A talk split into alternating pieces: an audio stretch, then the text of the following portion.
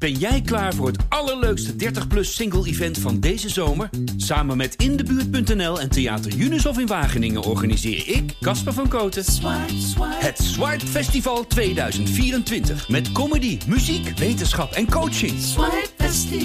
Maar vooral heel veel leuke mensen. Bestel nu je kaart op swipefestival.nl. Swipe, swipe.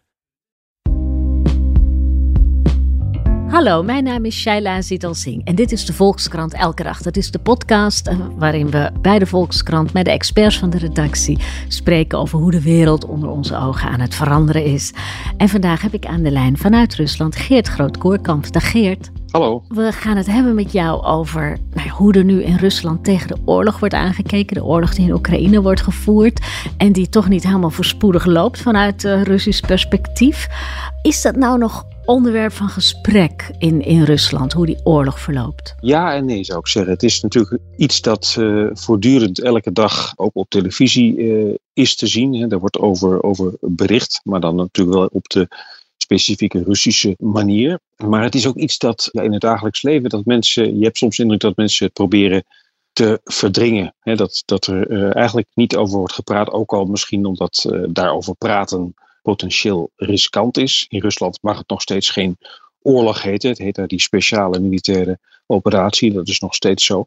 En er zijn natuurlijk uh, de afgelopen, het afgelopen half jaar er zijn mensen vervolgd en ook veroordeeld voor het gebruik van het woord oorlog zelfs. En werd uh, discreditatie of discrediteren van het Russische leger ten laste gelegd. Het is ook duidelijk dat heel veel mensen begrijpen dat uh, hoe de strijd ook verloopt, dat, dat de situatie heel duister is. Het is heel, heel moeilijk te voorspellen wat er zelfs over een maand zal gebeuren, laat staan over een jaar. Mensen vinden het heel moeilijk om te plannen. Je ziet dat economisch gaat het natuurlijk niet goed. Uh, mensen zien nog steeds uh, hoge prijzen in de winkels, hoewel wat minder is dan een paar maanden geleden.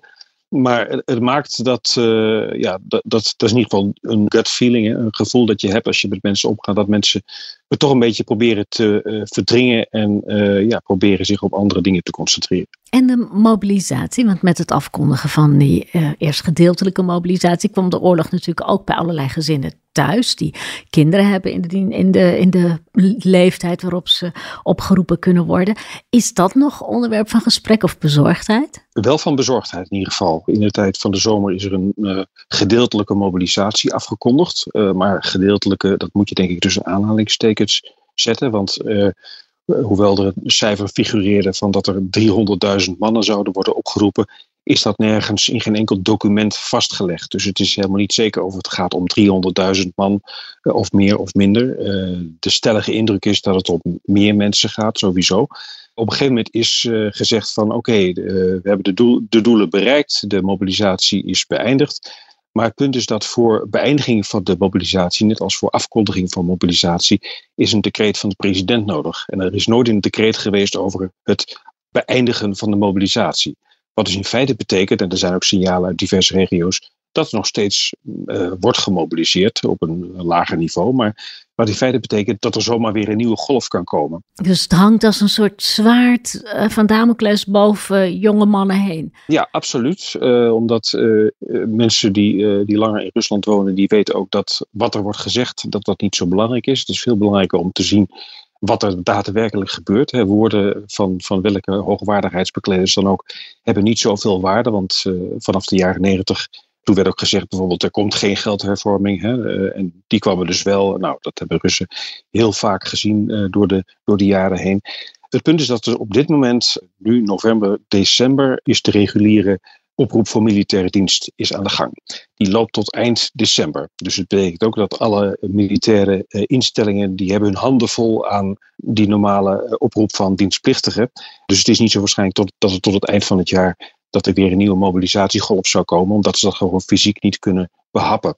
Maar daarom is er juist wel onrust dat misschien na de jaarwisseling in januari, januari wordt veel genoemd, dat er dan misschien toch weer een nieuwe mobilisatiegolf komt. En dat is die onrust die, die, die je wel voelt bij veel mensen. Ja, want wat, wat je ook ziet gebeuren, de verhalen die we hier horen en die, die worden opgetekend, is dat Russische soldaten die vervolgens verplicht worden om in Oekraïne te vechten, min of meer aan hun lot worden overgelaten. Met slechte uitrusting op pad worden gestuurd, uh, met weinig wapens, uh, weinig voedsel zelfs. Is daar nog onrust over ontstaan of protest tegen? Nou, officieel, als je naar de televisie kijkt, dan zie je dus, en dat is al uh, eigenlijk sinds februari zo, hè, dan zie je steeds maar weer die beelden van een uh, hele goed geoliede operatie. Je ziet uh, stoere Russische militairen die heel goed zijn uitgerust, die, die mobiele badhuizen hebben, die goed worden gevoed en wat iets meer zijn. Daar tegenover staan de berichten die je vooral dan op sociale media hebt gezien de afgelopen maanden. Moeders en echtgenotes en vriendinnen van mannen die naar uh, het front werden gestuurd, die, die zelf uh, ook chatgroepen gingen uh, vormen om te zoeken waar ze het beste nou, allerlei kleding, weet ik veel, ondergoed, kogelvrije vesten, allerlei medicijnen konden kopen. want die moesten ze zelf kopen. Dat was er gewoon niet. En dat zie je dus niet in de, in de officiële media. Dat zie je dus vooral in de onafhankelijke media die nu voor grote, vanuit het buitenland opereren en op sociale media.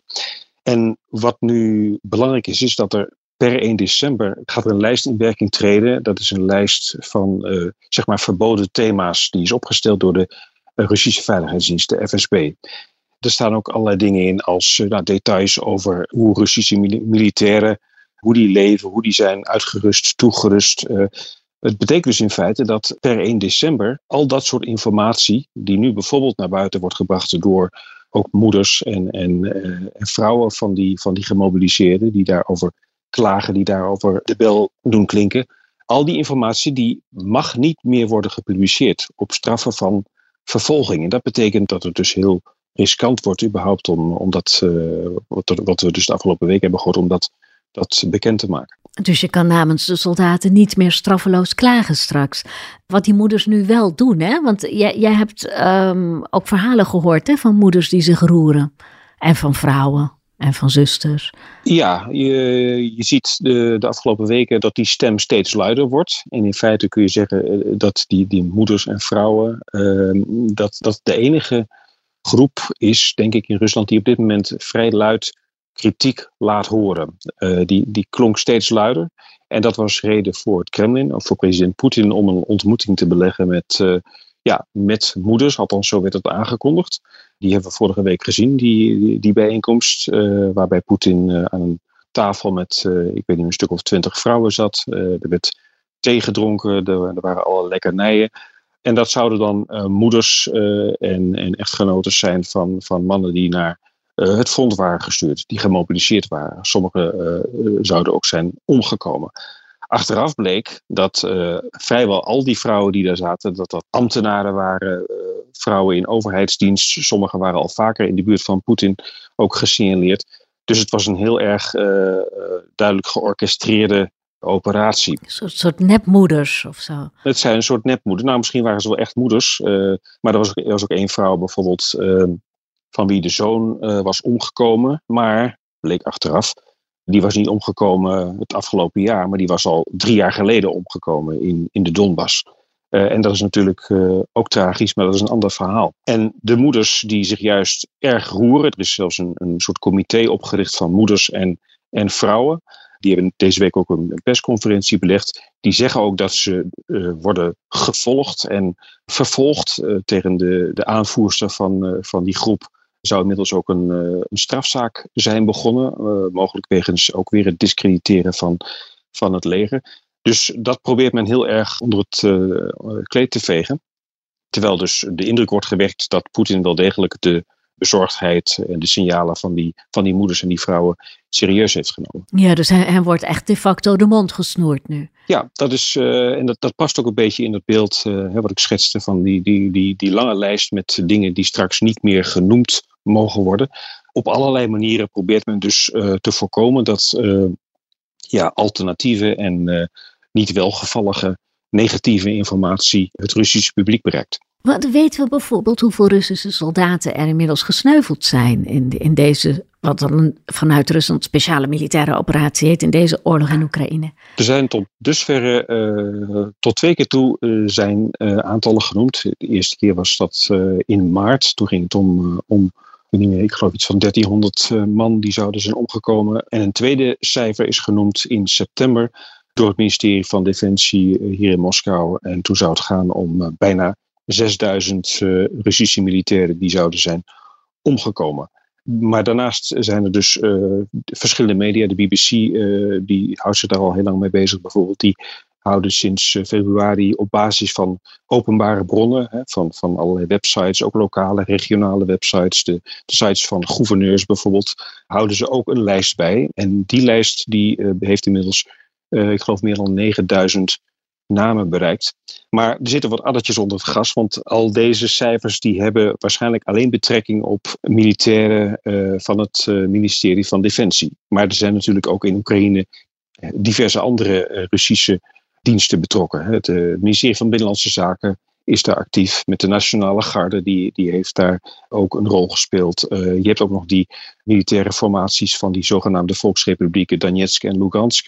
Die zijn ook niet meegenomen in, uh, in, in die cijfers die zijn genoemd. Dus je komt al gauw op een veel hoger getal.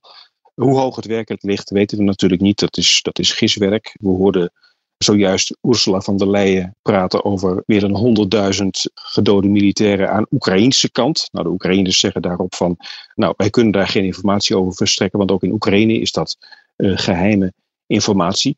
Maar het geeft wel een indruk van de orde van grootte uh, waarin je uh, moet gaan denken waarschijnlijk. Maar nu kom je dus in een situatie in Rusland waar de cijfers niet te vertrouwen zijn, waar eigenlijk het verloop van de oorlog nou ja, zeer, zeer wordt toegedekt en waar iedereen die probeert daar informatie over naar buiten te brengen, of dat nou moeders zijn of soldaten, het risico lopen daar afgestraft te worden. Dus de luiken gaan steeds meer dicht. Vat ik dat goed samen zo?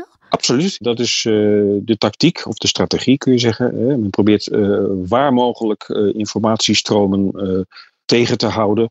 En uiteindelijk het enige wat dan blijft, en dat is niet zo weinig, dat, dat is het internet natuurlijk. Hè. Dat zijn sociale media zoals Telegram, dat is een belangrijke informatiebron voor veel Russen. En nog altijd YouTube, waar je natuurlijk gewoon ook Oekraïense televisiezenders kunt zien. Uh, ook heel veel van die media die nu vanuit het buitenland uh, opereren. Hè. Denk aan de, de Russische televisiezender TV Rain, Dorst in het Russisch. Hè. Die opereert onder meer vanuit Amsterdam, uit verschillende studio's, ook uit Riga.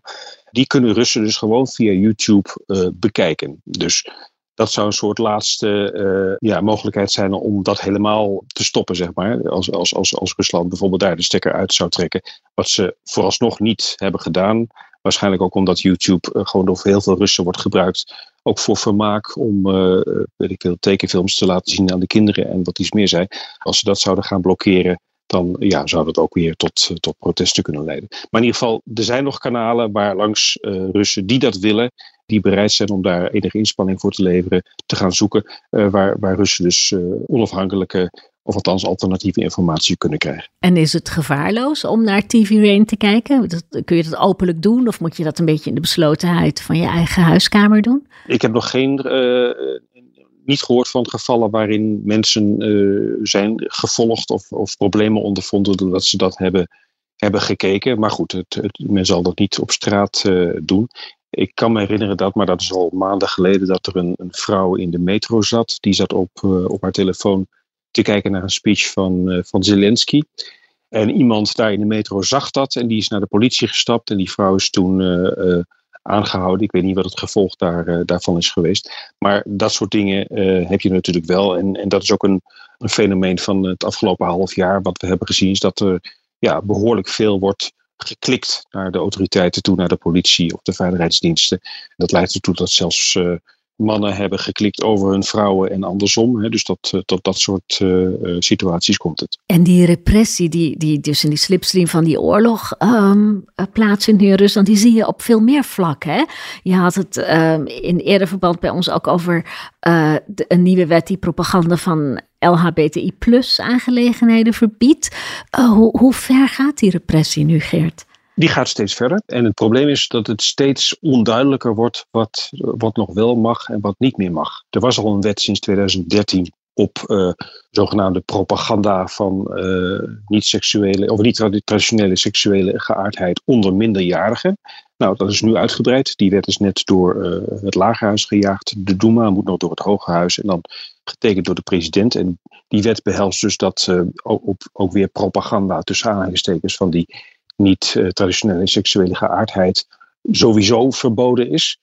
En dat roept de vraag op, ja, maar wat is dat dan, die propaganda? mag je dan, uh, mogen twee mannen niet meer hand in hand lopen? Of uh, mag je op televisie niet meer vertellen überhaupt over het bestaan van, van homoseksualiteit bijvoorbeeld? Is dat ook propaganda? Dus mensen worden steeds onzekerder over wat, wat nog wel en wat nog niet mag. En in dit verband is het denk ik ook belangrijk om te herinneren dat de, de voorzitter van de, van de Duma, Vyacheslav Volozhin, die zei aan het begin van het uh, parlementaire jaar van oké, we, we, zijn, we zijn aan het werken. We werken aan deze wet. Deze nieuwe wet is trouwens, dat is ook een unicum, dat is voor het eerst dat meer dan 300 leden van de Duma, de Duma telt 450 leden, meer dan 300 leden van de Duma zijn mede-auteur van die wet. En die wet is trouwens ook uh, unaniem aangenomen. Er waren geen tegenstemmen en geen onthoudingen. Dus dat, uh, dat zegt natuurlijk ook heel veel over het gehalte van het parlement op dit moment in Rusland. Maar uh, Volodin zei aan het begin van het parlementaire jaar van ja, dat is natuurlijk heel goed dat deze wet er komt. Maar dit is nog maar het begin. Dus daaruit kun je opmaken dat er nog meer ja, van dat soort draconische wetten in de maak zijn. En waar, waar zou je dan aan kunnen denken? Op, op welk vlak zou dat dan zijn? Ja, de, de fantasie eh, is grenzeloos natuurlijk. Hè. We hebben natuurlijk in Rusland al vaker dingen gezien waarvan je nooit had gedacht dat die, dat die mogelijk zouden zijn.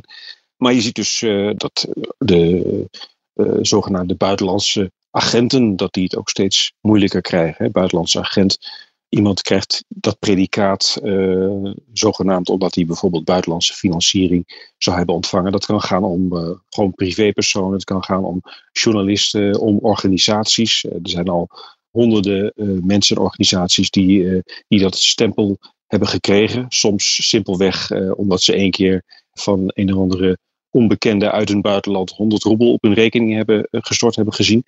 Maar het wordt natuurlijk gebruikt ook als een middel om, om mensen en vooral dan journalisten het zwijgen op te leggen, of althans het functioneren moeilijker te maken. Wat we nu zien is dat die, die wet ook wordt aangescherpt en dat niet alleen je tot buitenlandse agent kunt worden aangemerkt als je financiering ontvangt of zou hebben ontvangen uit het buitenland, maar ook bijvoorbeeld als je onder invloed staat van een andere buitenlandse agent. En we hebben net een uh, veroordeling gezien van uh, een bekende, bekende muzikant, een bekende zanger in, in Rusland, Andrei Makarevich. Die is veroordeeld omdat hij een interview heeft gegeven aan een Oekraïense journalist. En daarbij dus kennelijk onder invloed zou zijn gekomen van die Oekraïnse journalist. Nou ja, zoals gezegd, de fantasie is grenzeloos. Dus je kunt je, kunt, je, kunt je nog heel veel andere meer bizarre situaties voorstellen op dit vlak. Ja, dat kun je eindeloos breed interpreteren. En als ik een persoonlijke vraag mag stellen, Geert, kun jij je nog vrij bewegen en uiten en, uh, en, en dit soort gesprekken doen? Nou, we gaan door uh, zolang het mag. De, de vraag reist altijd van uh, wat voor Russische media geldt, geldt dat dan ook voor buitenlandse media? Want ja, buitenlandse media hebben gewoon een ander publiek. Kijk, in Rusland moeten journalisten bijvoorbeeld uh, Russische krant die, laten we zeggen, zo'n buitenlandse agent aanhaalt, die moet dan ook daarboven zetten. Uh, en dat doen veel media doen dit ook trouw. Een hele tekst, een bijna onleesbare tekst over dat dit artikel informatie bevat die is verstrekt door iemand die is aangemerkt als buitenlandse agent. In theorie zou bijvoorbeeld ook de Volkskrant of de New York Times zou het dan ook moeten, moeten plaatsen boven ieder artikel waar zo iemand in, in voorkomt. Maar goed, dat is onbegonnen werk. Ten meer daar dat, uh, dat leger aan buitenlandse agenten tussen aanhalingstekens. Maar groeit en groeit en groeit. Het is al heel moeilijk om, uh, om een normaal stuk te schrijven over Rusland. Waar, waar je niet uh, een of andere buitenlandse agent citeert. Dus, maar zoals gezegd, we gaan door zolang als het, als het kan. En dat, ja, dat, geldt voor alle alle collega's hier in Moskou en in Rusland uh, die hier nog kunnen functioneren en proberen te functioneren. Dankjewel Geert. Ga vooral door met je werk zou ik ook zeggen. Dankjewel. En luisteraar, u bedankt voor het luisteren weer. Dit was de Volkskrant elke dag. Morgen weer een nieuwe. Tot dan.